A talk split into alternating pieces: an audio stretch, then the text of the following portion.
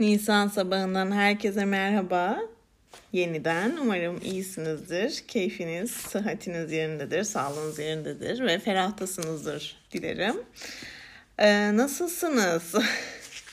Çirkin Erdek Yavrusu serisine devam ediyoruz. Sanırım bu serinin sondan bir önceki kaydı olacak. Yani 5 kayıtla e, bu seriyi bitirmiş olacağız diye tahmin ediyorum. Çünkü son kaydımıza yani 5. kayda serinin 5. bölümüne hmm, yalnız Sigot'la devam edip seriyi bitireceğim.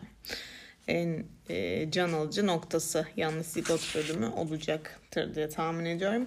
Şimdi analizlerden devam edeceğim. Yine Çirkin Ördek Yavrusu serimize.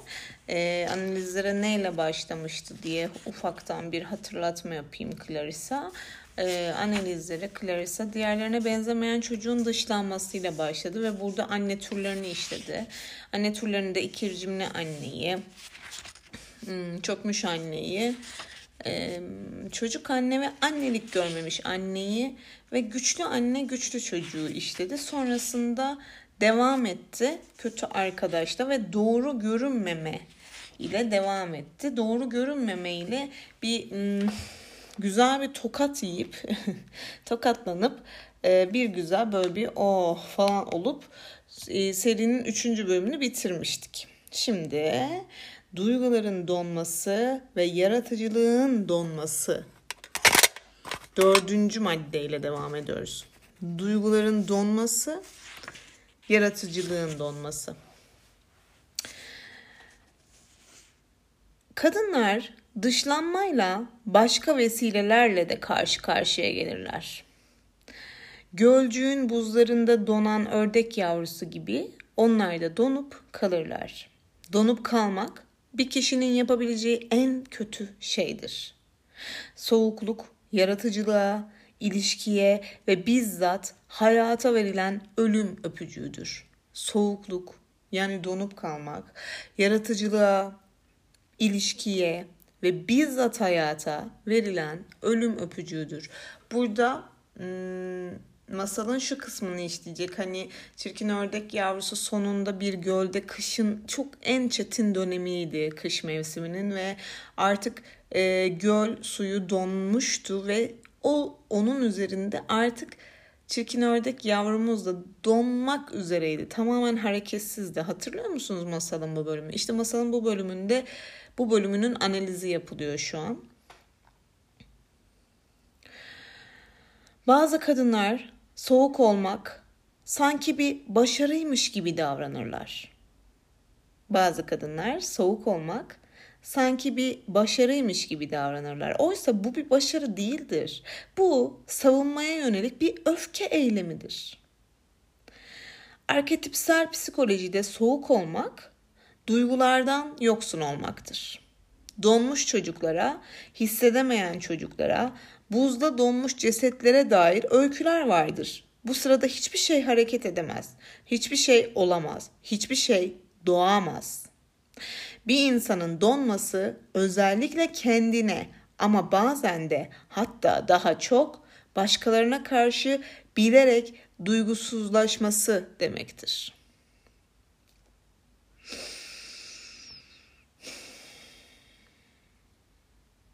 Gerçekten de öyle değil mi? Başkalarına karşı bilerek duygusuzlaşmak, donmak. Gerçi bu bir kendini koruma mekanizmasıdır. Ama ruhsal psişe için müşkül bir durumdur. Çünkü ruh buz gibi olma haline değil, tersine sıcaklığa yanıt verir. Ruh sıcaklığa yanıt verir. Buz gibi bir tutum bir kadının yaratıcı ateşini söndürür. Yaratıcı işlevi ketler. Bu ciddi bir sorundur. Ancak öykü bize bir fikir verir. Buz kırılmalı ve ruh donmuş halden çıkarılmalıdır. Ne yapıyordu çiftçi? Oradan geçen, köyün kenarından geçen bir çiftçi buzu kırıp çirkin ördek yavrumuzu o donmuş e, gölden ve donmuş halinden çıkarmaya çalışıyordu. Donmuş halden çıkarılmalıdır.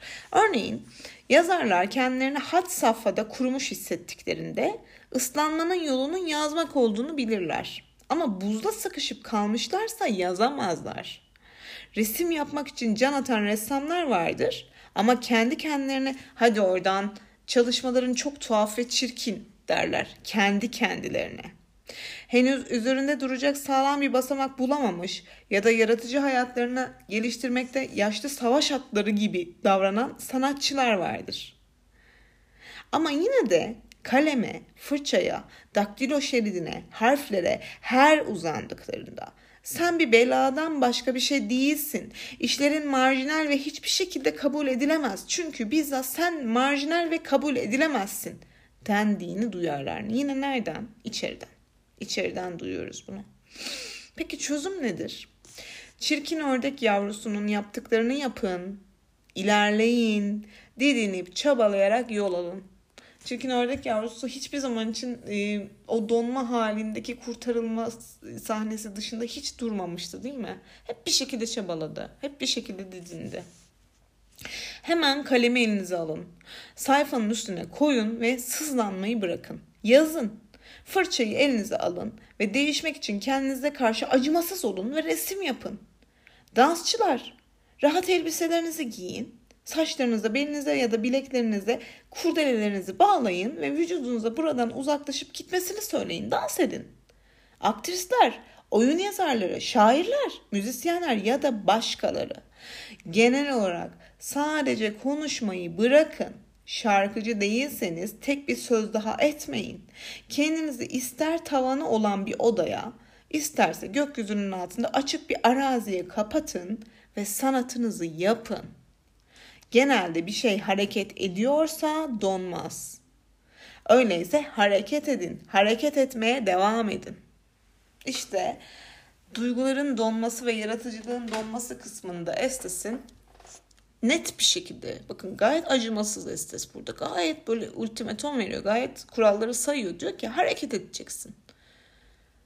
Bize söylediği şey bu burada Estes'in bu analizde. Beşinci analize geçiyoruz. Başlığımız ne? Yoldan geçen yabancı. Evet yani kimdi o? Çiftçimizde. Devam ediyoruz. Öyküde ördeği eve götüren çiftçi dışlanmayla ilgili arketipsel bir motiften çok öyküyü ilerletmek için kullanılan yazınsal bir araç gibi görünse de burada değerli bulduğum bir düşünce vardır diyor Estes. Bizi buzdan çıkaran hatta psişik olarak bizi duygu eksikliğinden kurtaran kişinin mensubu olduğumuz aileden biri olması şart değildir. Hmm, burada çok önemli bir noktaya parmak basıyor aslında evet. Bizi buzdan çıkaran, e, bizi bulunduğumuz o donmuş psişik halden kurtaran kişi, kurtaran derken e, çekip alan kişi diyelim. E, mensup olduğumuz aileden biri olmak zorunda değil. Başka biri de olabilir yani bu.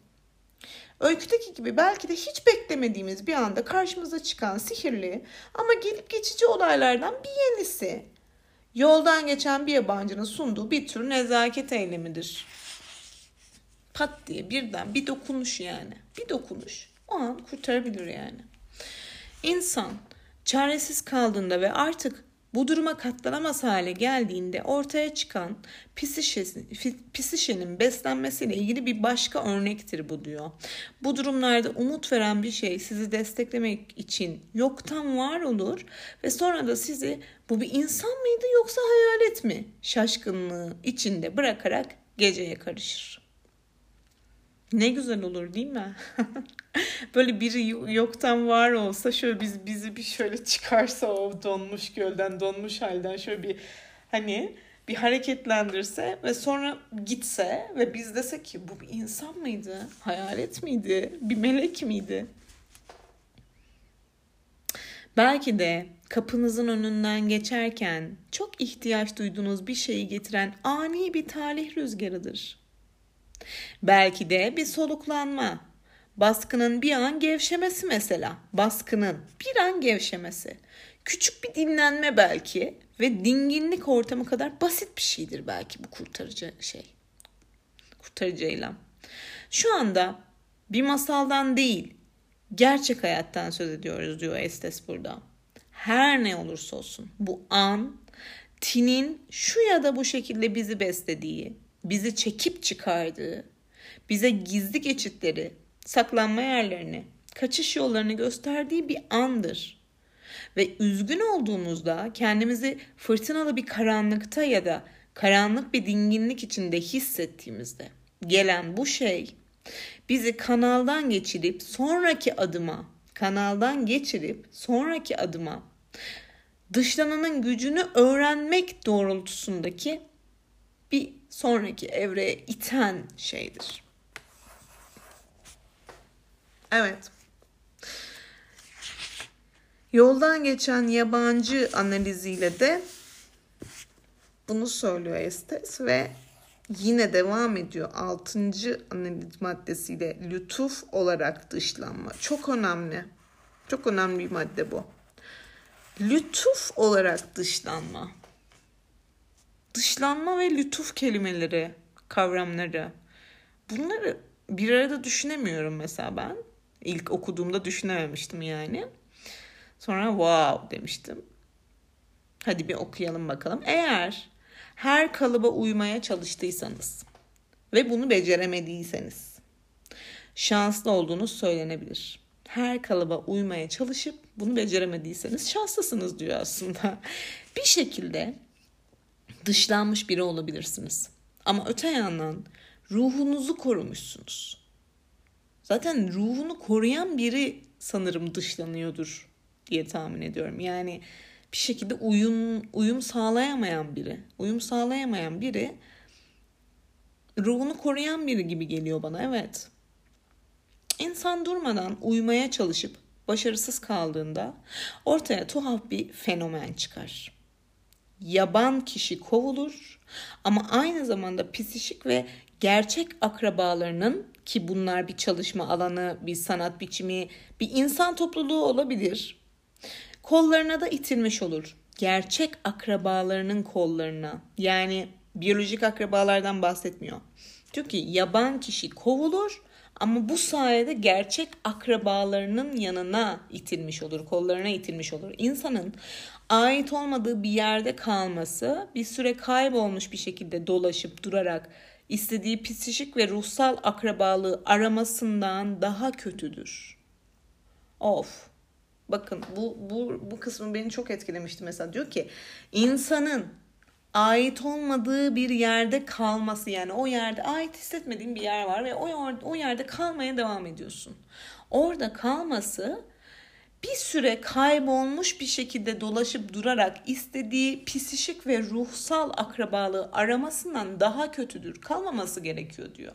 Gerekirse perişan bir şekilde yollar açık ve ruhsal akrabalarını bul yani. Kabileni bul diyor. Kişinin istediği şeyleri araması asla bir hata değildir. Asla. İstediği bir şey araması asla bir hata değildir bütün bu dönme deviniminde ve gerilimde yararlı bir şey vardır. Ördek yavrusundaki bir şey tavlanmaktadır.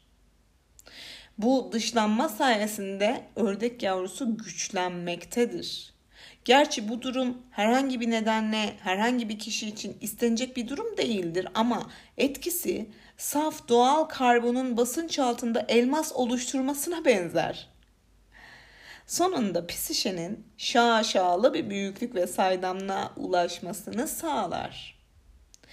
Simyanın bir boyutu vardır ki orada kurşunun ana maddesi dövülüp ufalanır.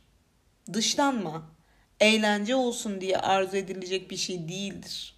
Ama bundan beklenmedik bir kazanç elde edilir. Dışlanmanın armağanları çoktur. Bakın ne kadar önemli ya. Of dışlanmanın armağanları çoktur diyor. Döverek zayıflığı söker atar. Dışlanma döver ve zayıflığı söker atar. Mızmızlığı ortadan kaldırır. Keskin içgörü sağlar.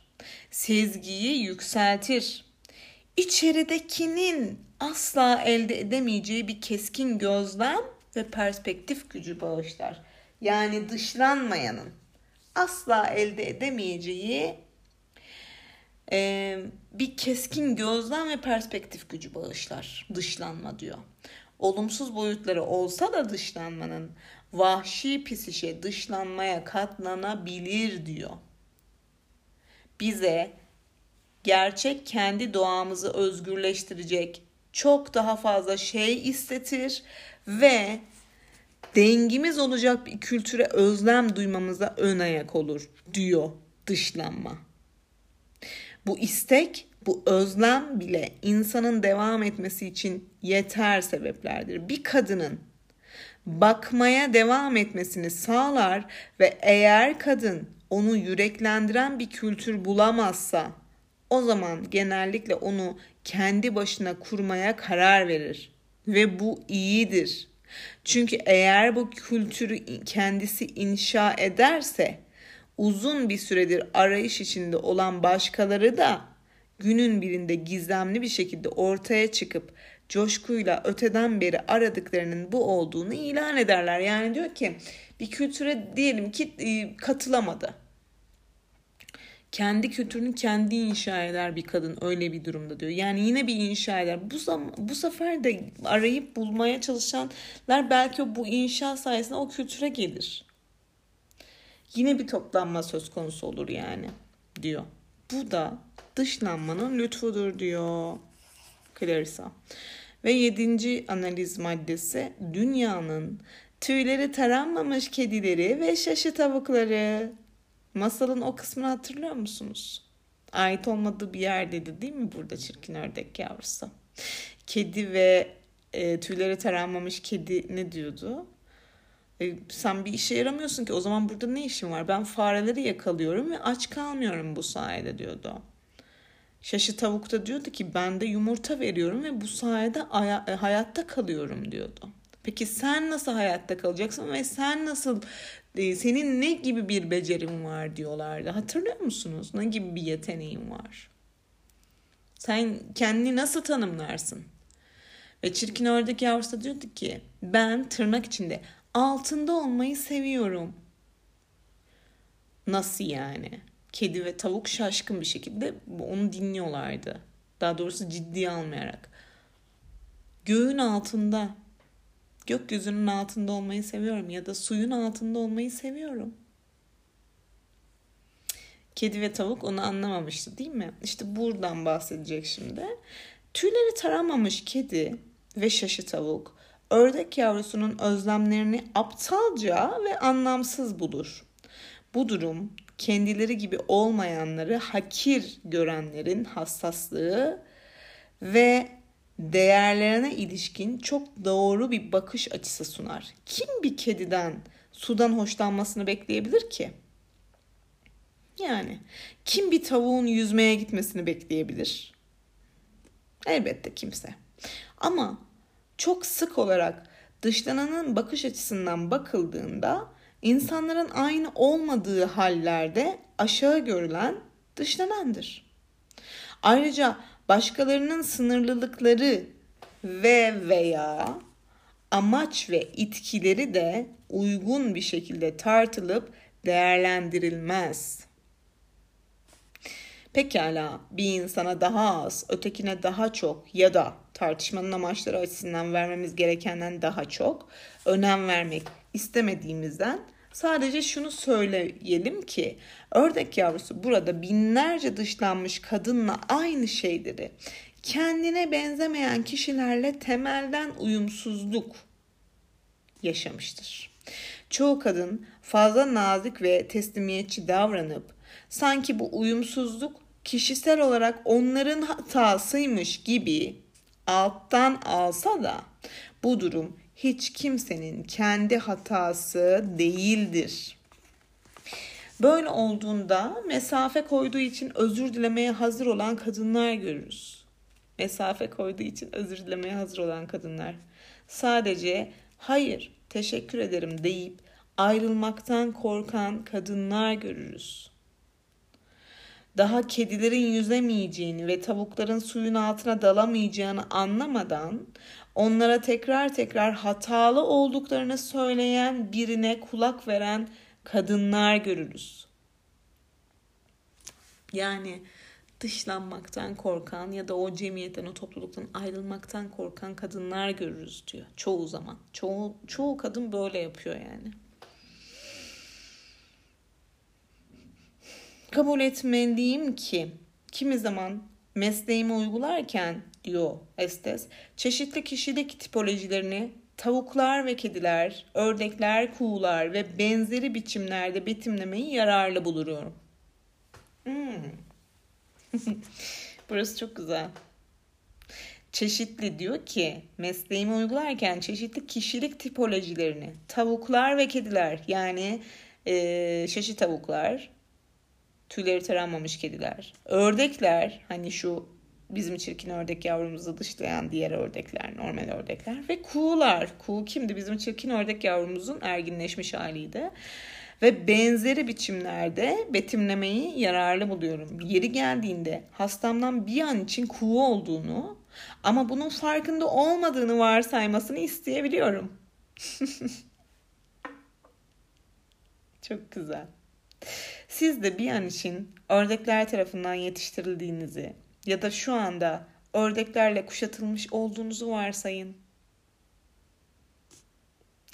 Ördek ya da kuğularda eminim yanlış bir şey yoktur. Ama ördekler ördektir, kuğular da kuğudur. Kimi zaman konuyu açmak için başka hayvan metaforlarına da başvurmam gerekiyor. Ya fare insanlar tarafından yetiştirildiyseniz ama ya söz gelimi bir kuğuysanız Kuğular ve fareler genellikle birbirlerinin yiyeceklerinden nefret ederler. Her biri diğerinin tuhaf koktuğunu düşünür. Birlikte zaman geçirmekle ilgilenmezler ve eğer bunu yapmışlarsa sürekli olarak birbirlerini rahatsız ederler. Peki ya bir kuğuyken bir fareymişsiniz gibi davranmanız gerekseydi? Ya gri, tüylü ve ufacıkmışsınız gibi yapmanız gerekseydi? Ya kuyruk taşıma gününe havada saklayacağınız uzun yılan gibi bir kuyruğunuz olmadan katılsaydınız? Ya nereye giderseniz gidin bir fare gibi yürümeye çalışsaydınız ama onun yerine paytak paytak yürüseydiniz? Ya bir fare gibi konuşmaya çalışsaydınız ama onun yerine her seferinde bir kas sesi çıkarsaydınız? Dünyadaki en sefil yaratık olmaz mıydınız? Yanıt kuşkusuz evettir. Öyleyse her şey böylesine doğru olduğu halde kadınlar neden kendilerine ait olmadıkları şekillere sokmak için eğilip bükülmeye çalışıp dururlar? Çok çok çok acayip bir soru. Evet neden? Bu soruna dair Yıllar süren klinik gözlemlerimden yola çıkarak genellikle bunun nedeninin derinlere yerleşmiş bir mazohizm ya da habis bir şekilde kendine zarar vermeye adanmışlık veya bu yapıda herhangi bir şey olmadığını söylemeliyim. Bunun nedeni çoğu zaman kadınların sadece bilmemesidir. Bilmemesi ya bu kadar basit. Çoğu zaman bilmemesi annelik görmemiş olmasıdır.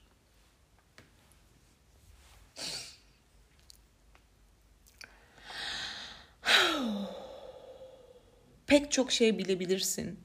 Ama bu kavrama yetisine sahip olmak anlamına gelmez. Pek çok şey bilebilirsin ama bu kavrama yetisine sahip olmak anlamına gelmez diye bir söz vardır diyor. Yani Bilgiyle kuşatılmış olabiliriz, öğrenebiliriz, bilebiliriz ama idrak edemeyebiliriz öğrendiğimiz şeyleri. Bunu söylüyor yani. İdrak yeteneğimiz olmayabilir. Ördek yavrusu tırnak içinde olguları biliyor gibi görünmektedir. Ama kavrayış yetisi yoktur. Annelik görmemiştir. Yani en temel düzeyde öğrenim görmemiştir. Unutmayın ki yavrunun doğuştan gelen yetilerini genişleterek öğreten annedir. Yavrunun doğuştan gelen yetileri var, becerileri var doğuştan gelen yani. Ama bunu genişleterek öğreten annedir diyor. Yavrularına avlanmayı öğreten anne hayvanlar onlara tam olarak nasıl avlanılacağını öğretmezler. Çünkü bu zaten onların kemiklerine işlenmiştir. Zaten var. Nasıl avlanacağını zaten biliyor. Doğuştan biliyor bunu. Doğuş, doğuştan bir yeti bu yani avlanma yetisi. Ama onlara neye dikkat edeceklerini, neye özen göstereceklerini öğretirler. Anneleri onlara gösterene kadar bilmedikleri şeyleri öğretirler. Böylece yeni öğrendiklerini ve doğuştan gelen bilgeliklerini faaliyete geçirirler diyor. İnanılmaz önemli. Bu dışlanan kadın için de aynıdır. Eğer o bir çirkin ördek yavrusuysa yani dışlanan kadınımız bir çirkin ördek yavrusuysa eğer annelik görmemişse içgüdüleri keskinleşmemiştir. Bunun yerine deneme yanılmayla öğrenir. Genellikle pek çok deneme ve daha da çok yanılmayla. evet. Ama umut vardır. Çünkü görüyorsunuz dışlanan asla vazgeçmez. Rehberi kokuyu bulana kadar, izleri bulana kadar, evi bulana kadar gitmeye devam eder. Dışlanan rehberini, kokuyu, izi, evi bulana kadar devam eder diyor. Asla vazgeçmez. Kurtlar hiçbir zaman için bir kokuyu kaybedip onu tekrar bulmak için dolanıp durdukları zaman olduklarından daha tuhaf görünmezler.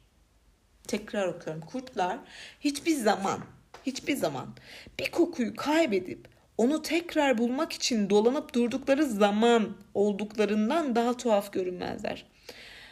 Bunu bulabilmek için kurtlar havada zıplarlar, daireler çizerek koşarlar, burunlarıyla toprağı didiklerler, geri tırmalarlar, ileri doğru koşarlar, ardından geri geri koşarlar. Sonra da kımıltısız kalırlar. Sanki akıllarını yitirmiş gibi görünürler o kokuyu bulamadıklarında. Ama aslında yaptıkları şey bulabilecekleri bütün ipuçlarını toplamaktır. Bu ipuçlarını dişleyerek havadan yere indirirler. Akciğerlerini yeryüzündeki ve omuz düzeyindeki kokularla doldururlar. Yakında oradan kimin geçtiğini bulmak için havayı tadarlar. Kulakları çanak antenler gibi döner. Uzaklardan gelen iletileri toplar. Tüm bu ipuçlarını bir yerde yığdıktan sonra ne yapacaklarını iyi bilirler kurtlar.'' Hepsini bir yerde yığıyorlar bütün bu ipuçlarını ve ne yapacaklarını iyi biliyorlar.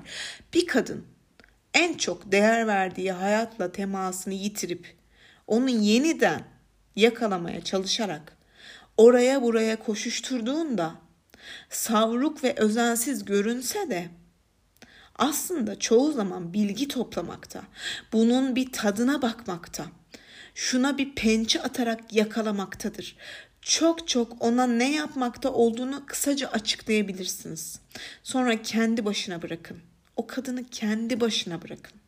Elde ettiği ipuçlarından gelen bütün bilgileri işler işlemez tekrar bilinçli bir şekilde hareket edecektir diyor. O zaman tüyleri taranmamış kedi ve şaşı tavuk kulübüne üye olma arzusu da azalarak yok olacaktır. Gerçekten bu bölüm müthişti. Tüyleri taranmamış kedi, dünyanın tüyleri taranmamış kedileri ve şaşı tavuklar. 7. bölümdü ve 8. analiz maddesine geçiyoruz. Bu neymiş? Ne olursa olsun hatırlamak ve devam etmek. Ne olursa olsun hatırlamak ve devam etmek. Hepimizin kendi türümüze, kendi vahşi türümüze duyduğumuz bir özlem vardır. Hatırlayacaksınız. Ördek yavrusu acımasız işkencelere uğradıktan sonra kaçmıştı. Sonra çenebaz kazlarla karşılaşmıştı ve avcılar tarafından neredeyse öldürülecekti.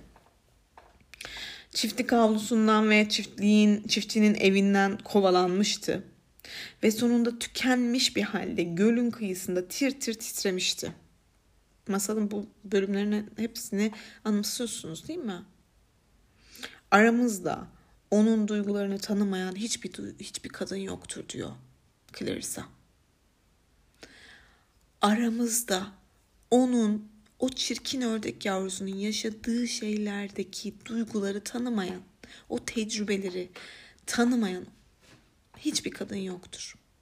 Ne kadar keskin bir yorum değil mi? Ne kadar net bir yorum. Tek bir tane kadın bile yoktur diyor bunu bilmeyen. Ve tüm bunlara karşın umudumuzu kaybetmememize, devam etmemize, umutla yol almamızı sağlayan sadece bir özlemdir işte özlem. Özlem. Neye özlem? Kendi türümüze, vahşi türümüze, kendi kabilemize özlem. Vahşi psişenin hepimize vaat ettiği şey buradadır. Bir zamanlar zıt olduğumuz harika bir dünyadan sadece haberdar olmuş, onu bir an için hissetmiş ya da düşünü görmüşüzdür. Henüz ona temas etmemiş ya da sadece geçici olarak temas etmiş de olabiliriz. Veya kendimizi onun bir parçası olarak tanımlayabiliriz. Ama onun anısı bize rehberlik eder.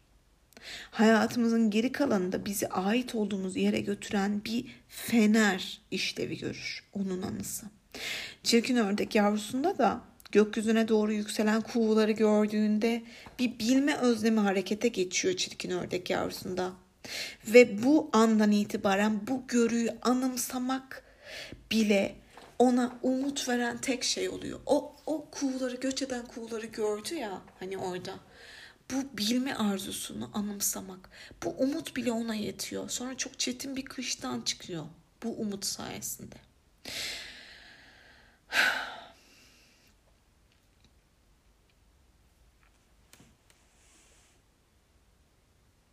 Bıçağın kemiğe dayandığı ve artık intihara düşünen bir kadınla çalışıyordum. Verandasına ağını kuran bir örümcek gözüne çarpmıştı bu kadının.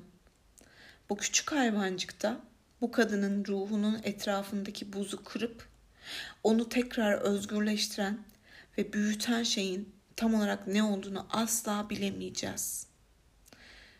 Yani diyor ki Estes burada verandasındaki bir ağ ören örümcek o yoldan geçen yabancı olmuş bu kadın için. Onu buzunu kırıp çıkarmış. Bakalım nasıl. Ama hem psikanalist hem de kantadora yani öykü anlatıcısı, masal anlatıcısı olarak çoğu kere en iyileştirici şeylerin doğadan özellikle de çok kolay ulaşılabilir ve basit olanlardan çıktığına inanıyorum diyor Estes. Doğanın ilaçları güçlü ve yalındır. Karpuzun yeşil kabuğu üzerindeki uğur böceği, bir pamuk ipliğindeki nar bülbülü, mükemmel çiçekler açmış bir yabani ot, kayan bir yıldız, hatta sokaktaki kırık bir cam parçasında yansıyan gökkuşağı doğru ilaç olabilir diyor. Doğru ilaç olabilir. Devamlılık garip bir şeydir. Muazzam bir enerji açığa çıkarır. Beş dakika durgun suyu düşünmek bile onu bir ay boyunca besleyebilir. Devamlılık. Kurtların ne kadar hasta olurlarsa olsunlar, ne kadar köşeye sıkışmış olurlarsa olsunlar, ne kadar yalnız, korkmuş ya da zayıflamış olurlarsa olsunlar, devam ettiklerini görmek ilginçtir. Kırık bir bacakla bile uzun adımlar koşarlar kurtlar. Sürünün korumasına sığınmak üzere ötekilerin yanına giderler kurtlar. Onları üzen ne olursa olsun gayretle bekler, atlatır, yener ve dayanırlar kurtlar. Her şeylerini nefes üstüne nefes almaya verirler. İyi bir yer, iyileştirici bir yer, serpilip gelişmek için bir yer bulana kadar gerekirse ördek yavrusu gibi kendilerini oradan oraya sürüklerler kurtlar diyor Estes. Vahşi doğanın alameti farikası. Onun bu devam etme yeteneğidir. Vahşi doğanın alameti farikası devam etme yeteneğidir. Sabır gösterir vahşi doğa.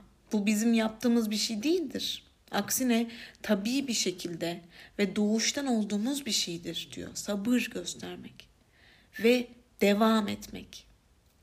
Bizim yaptığımız bir şey değil, kazandığımız bir şey değil. Bu doğuştan bizde olan bir şey diyor. Gelişemediğimiz zaman tekrar gelişene kadar devam ederiz. İster yaratıcı hayatımızdan koparılıp atılalım. İster bir kültür ya da dinin dışına çıkarılalım. İsterse aileden dışlanmış bir grup tarafından sürülmüş olalım. Ya da hareket, düşünce ve duygularımız üzerine yaptırımlar konmuş olsun. İçsel vahşi hayat sürer, devam eder ve biz de yola devam ederiz diyor. Vahşi doğa herhangi bir özel etnik gruba ait yaratılıştan gelen bir özellik değildir. Benin, Kamerun ve Yeni Gineli kadınların öz doğasıdır. Litvanya, Hollanda ve Sierra Leone'li kadınlardadır.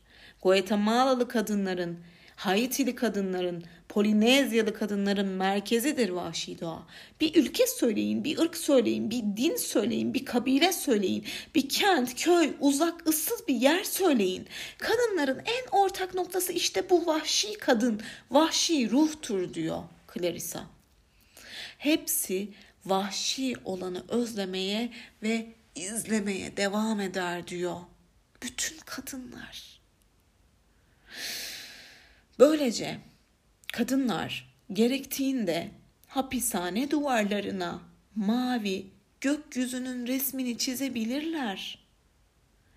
Çileler yanarsa daha fazlasını eğirirler. Ekinler tahrip olursa hemen daha fazlasını ekerler. Hiçbir şeyin bulunmadığı yerlere kapılar çizerler. Bu kapıları açar, oradan yeni yollara ve yeni hayatlara geçerler. Vahşi doğa sebat edip hüküm sürdüğü için kadınlar da sebat edip hüküm sürerler diyor Clarissa. Ördek yavrusu ölümün eşiğinden dönmüştür. Yalnız, üşümüş, donmuş, sıkıntılı, kovalanmış, ateş edilmiş, umudunu kesmiş, besinsiz, yoldan çıkarak sınırların dışına atılmış, hayatın ve ölümün kenarında daha sonra ne olacağını bilemez halde bulmuştur kendini. Ve şimdi öykünün en önemli kısmı gelmektedir. En önemli. İlkbahar yaklaşır, yeni hayat hızlanır, yeni bir fırsat, yeni bir deneme mümkün olur. Yaratıcı hayatınız için, yalnızlığınız için, olma ve yapma zamanınız için, asıl hayatınız için en önemli şey devam etmek, direnmektir. Devam etmek çünkü vahşi doğanın vaadi şudur. Kıştan sonra her zaman ilkbahar gelir. Kıştan sonra her zaman ilkbahar gelir. Kıştan sonra her zaman ilkbahar gelir.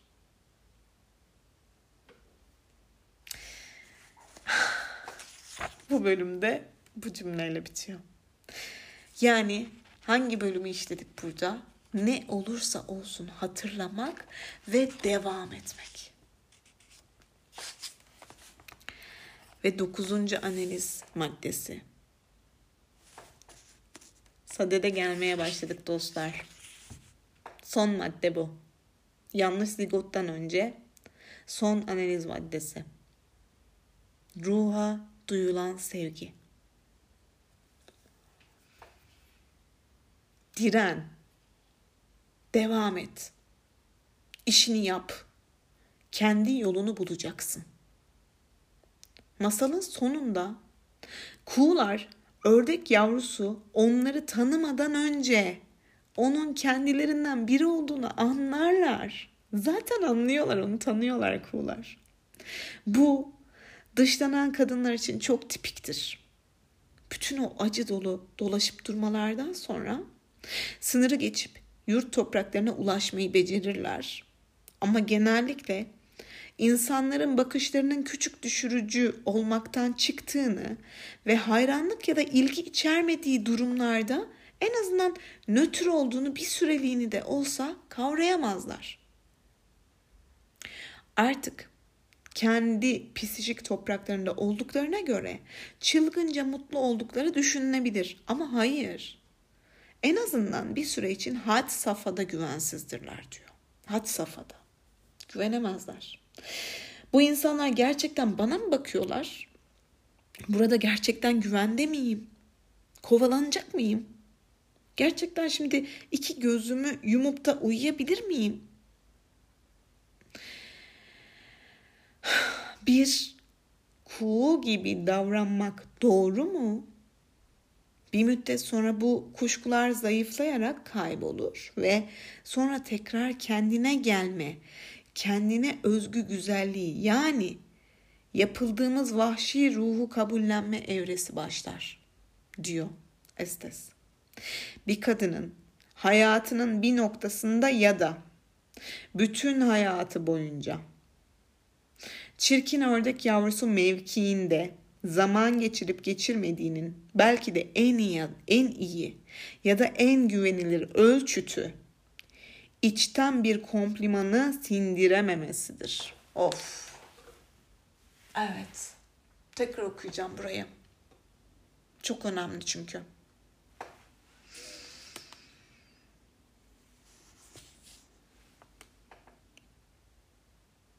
Bir kadının hayatının bir noktasında ya da bütün hayatı boyunca çirkin ördek yavrusu mevkiinde zaman geçirip geçirmediğinin belki de en iyi ya da en güvenilir ölçütü, ölçütü şudur diyor. İçten bir komplimanı sindirememesi. Yani biri gelip size kompliman yaptı. İçten bir şekilde samimi. Çok samimi bir şekilde size kompliman yaptı. Buna inanamamak, sindirememek. Gerçekten doğru mu söylüyor? Yok ya, öyle değildir. Kesin bir tuzaktır bu. Beni sonra belki gagalayacaklardır. Belki şimdi yüzüme gülüyorlardır ama sonra birden sırtımdan vuracaklardır. Belki beni donmaya bırakacaklardır. Ben bu komplimanlara inanmamalıyım. İşte bu. Bu hayatının bir aşamasında yahut her aşamasında çirkin ördek yavrusu mevkiini yaşamış bir kadının ölçütü. Bu kadını oradan tanıyabiliriz işte. Diyebiliriz ki bu kadın çirkin ördek yavrusu. Güvenemiyor.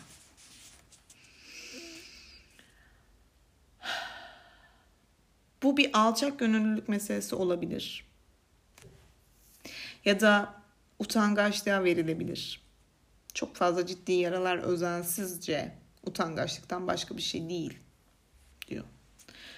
Çok fazla ciddi yaralar özensizce utangaçlıktan başka bir şey değil diye kayıtlardan çıkarılmıştır. Ama çoğu zaman bir komplimanın kekelemeye neden olmasının nedeni kadının zihninde otomatik ve hoş olmayan bir diyaloğu başlatmasıdır.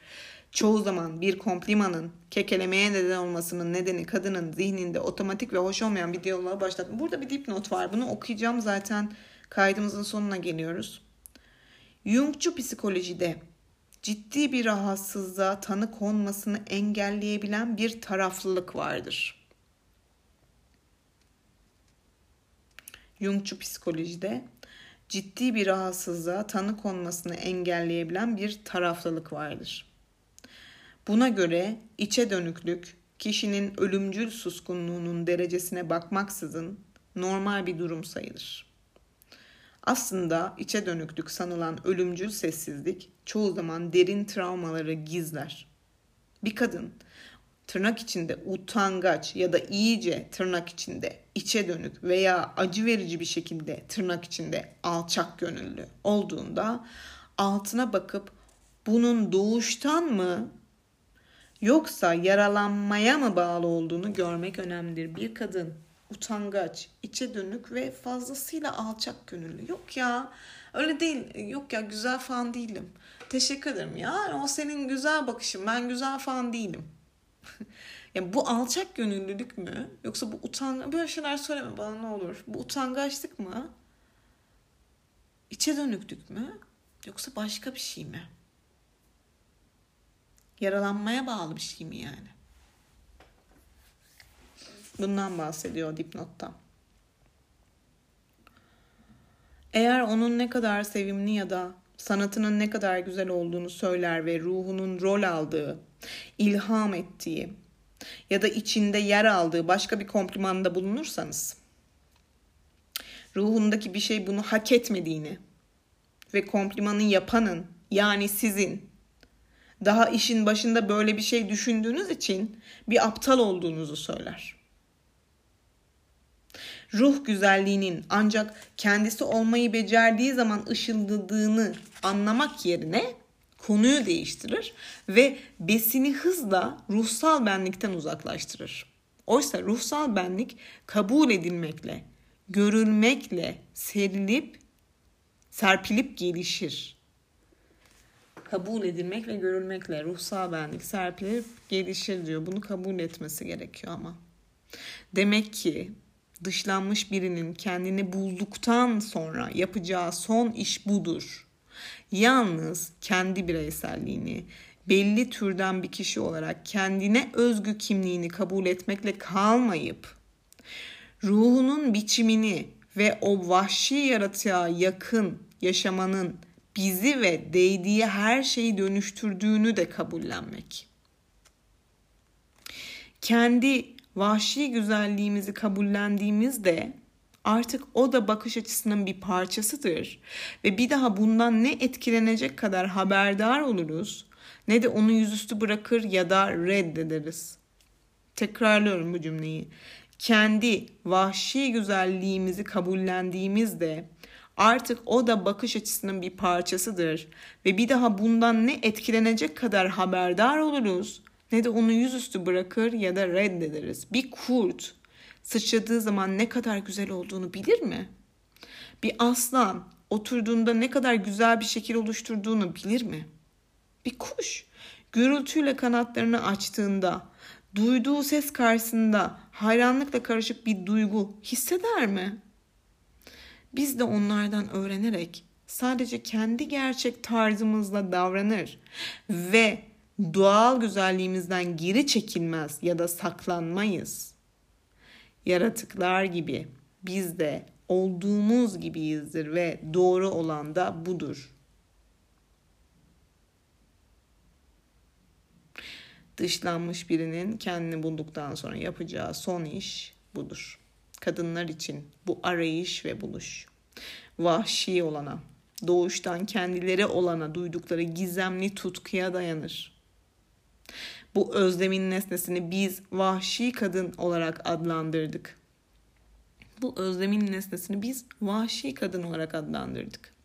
Kadınlar onu adıyla tanımasalar, nerede yaşadığını bilmeseler bile ona doğru çekilirler. Bütün yürekleriyle onu severler. Onu özlerler. Ve bu özlem hem harekete geçme gücü hem de harekete geçmenin kendisidir. Vahşi kadını aramamızı ve bulmamızı sağlayan bu özlemdir. Bu ilk bakışta tasavvur edilebileceğini edilebileceği kadar zor değildir. Çünkü vahşi kadın da bizi aramaktadır. Biz onun yavrusuyuz diyor. vahşi kadını sadece biz aramıyoruz. Biz onu özlüyoruz, arıyoruz ama aynı zamanda aslında biz de onun yavrusuyuz. O bizim annemiz. O da bizi arıyor. Bu bölümün adı neydi? Son analiz maddesinin adı. Ruha duyulan sevgi. Seversek özleriz değil mi? Evet. Yanlış zigot bölümüne geldik. Kaç dakika olmuş kaydımız? Dediğim gibi kaydı burada bitireceğim. Ve ee, evet yine 50 dakikayı bulmuşuz zaten. E, fakat böyle oldu. Yani sabrınız için teşekkür ederim. Eğer bu dakikaya kadar dinlemeyi başardıysanız tabii. Serinin son 5. bölümünde yanlış zigotu ki bu tam bir imzasıdır yani çirkin ördek yavrusu bölümünün daha doğrusu şunun imzasıdır. Sürüsünü bulmak kutsama olarak aidiyet bölümünün kitaptaki bu bölümün imzasıdır. Yanlış zigot bana göre elbette ki. Ee, Nisan sabahı podcast e, Çirkin Ördek Yavrusu dışlanma teması serisinin 5. bölümüyle yanlış zigotla bu seriyi bitireceğim. Bu dördüncü bölümümüzdü. Ve analizleri 9. maddesine kadar işledik ve bitirdik.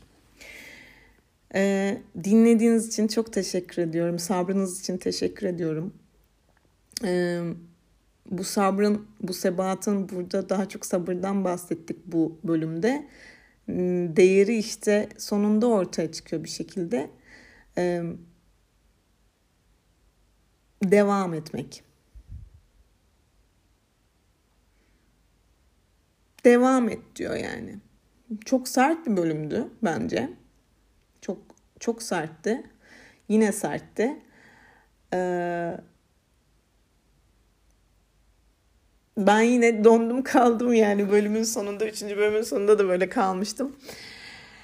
Evet Nisan sabahından e, bu program içinde bu kadar. Beni dinlediğiniz için teşekkür ediyorum. Umarım bu masal e, ve yaptığım herhangi bir herhangi bir şey bir şekilde bir yer bir, bir yerlerinize ruhunuzun bir yerine bir şekilde dokunuyordur.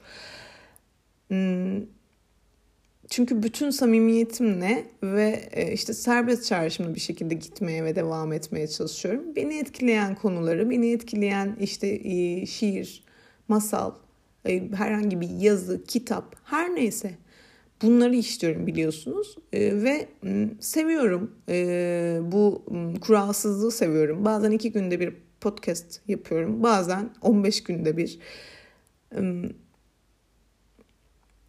geri dönüşleriniz oluyor. Çok teşekkür ediyorum geri dönüşleriniz. Benim için hakikaten çok önemli. Bana geri dönüş yapmak isterseniz eğer programlarla ilgili podcast Nisan sabahı ıı, olarak Instagram adresim var. Instagram'dan bana DM ile ulaşabilirsiniz. Ee, çok da sevinirim. Çok da teşekkür ederim. Kendinize bir sonraki serinin son bölümünde görüşene dek iyi bakın. Kolaylıkla, ferahlıkla, sağlıkla kalın. Nisan sabahından bu bölümlük de bu kadar. Hoşçakalın.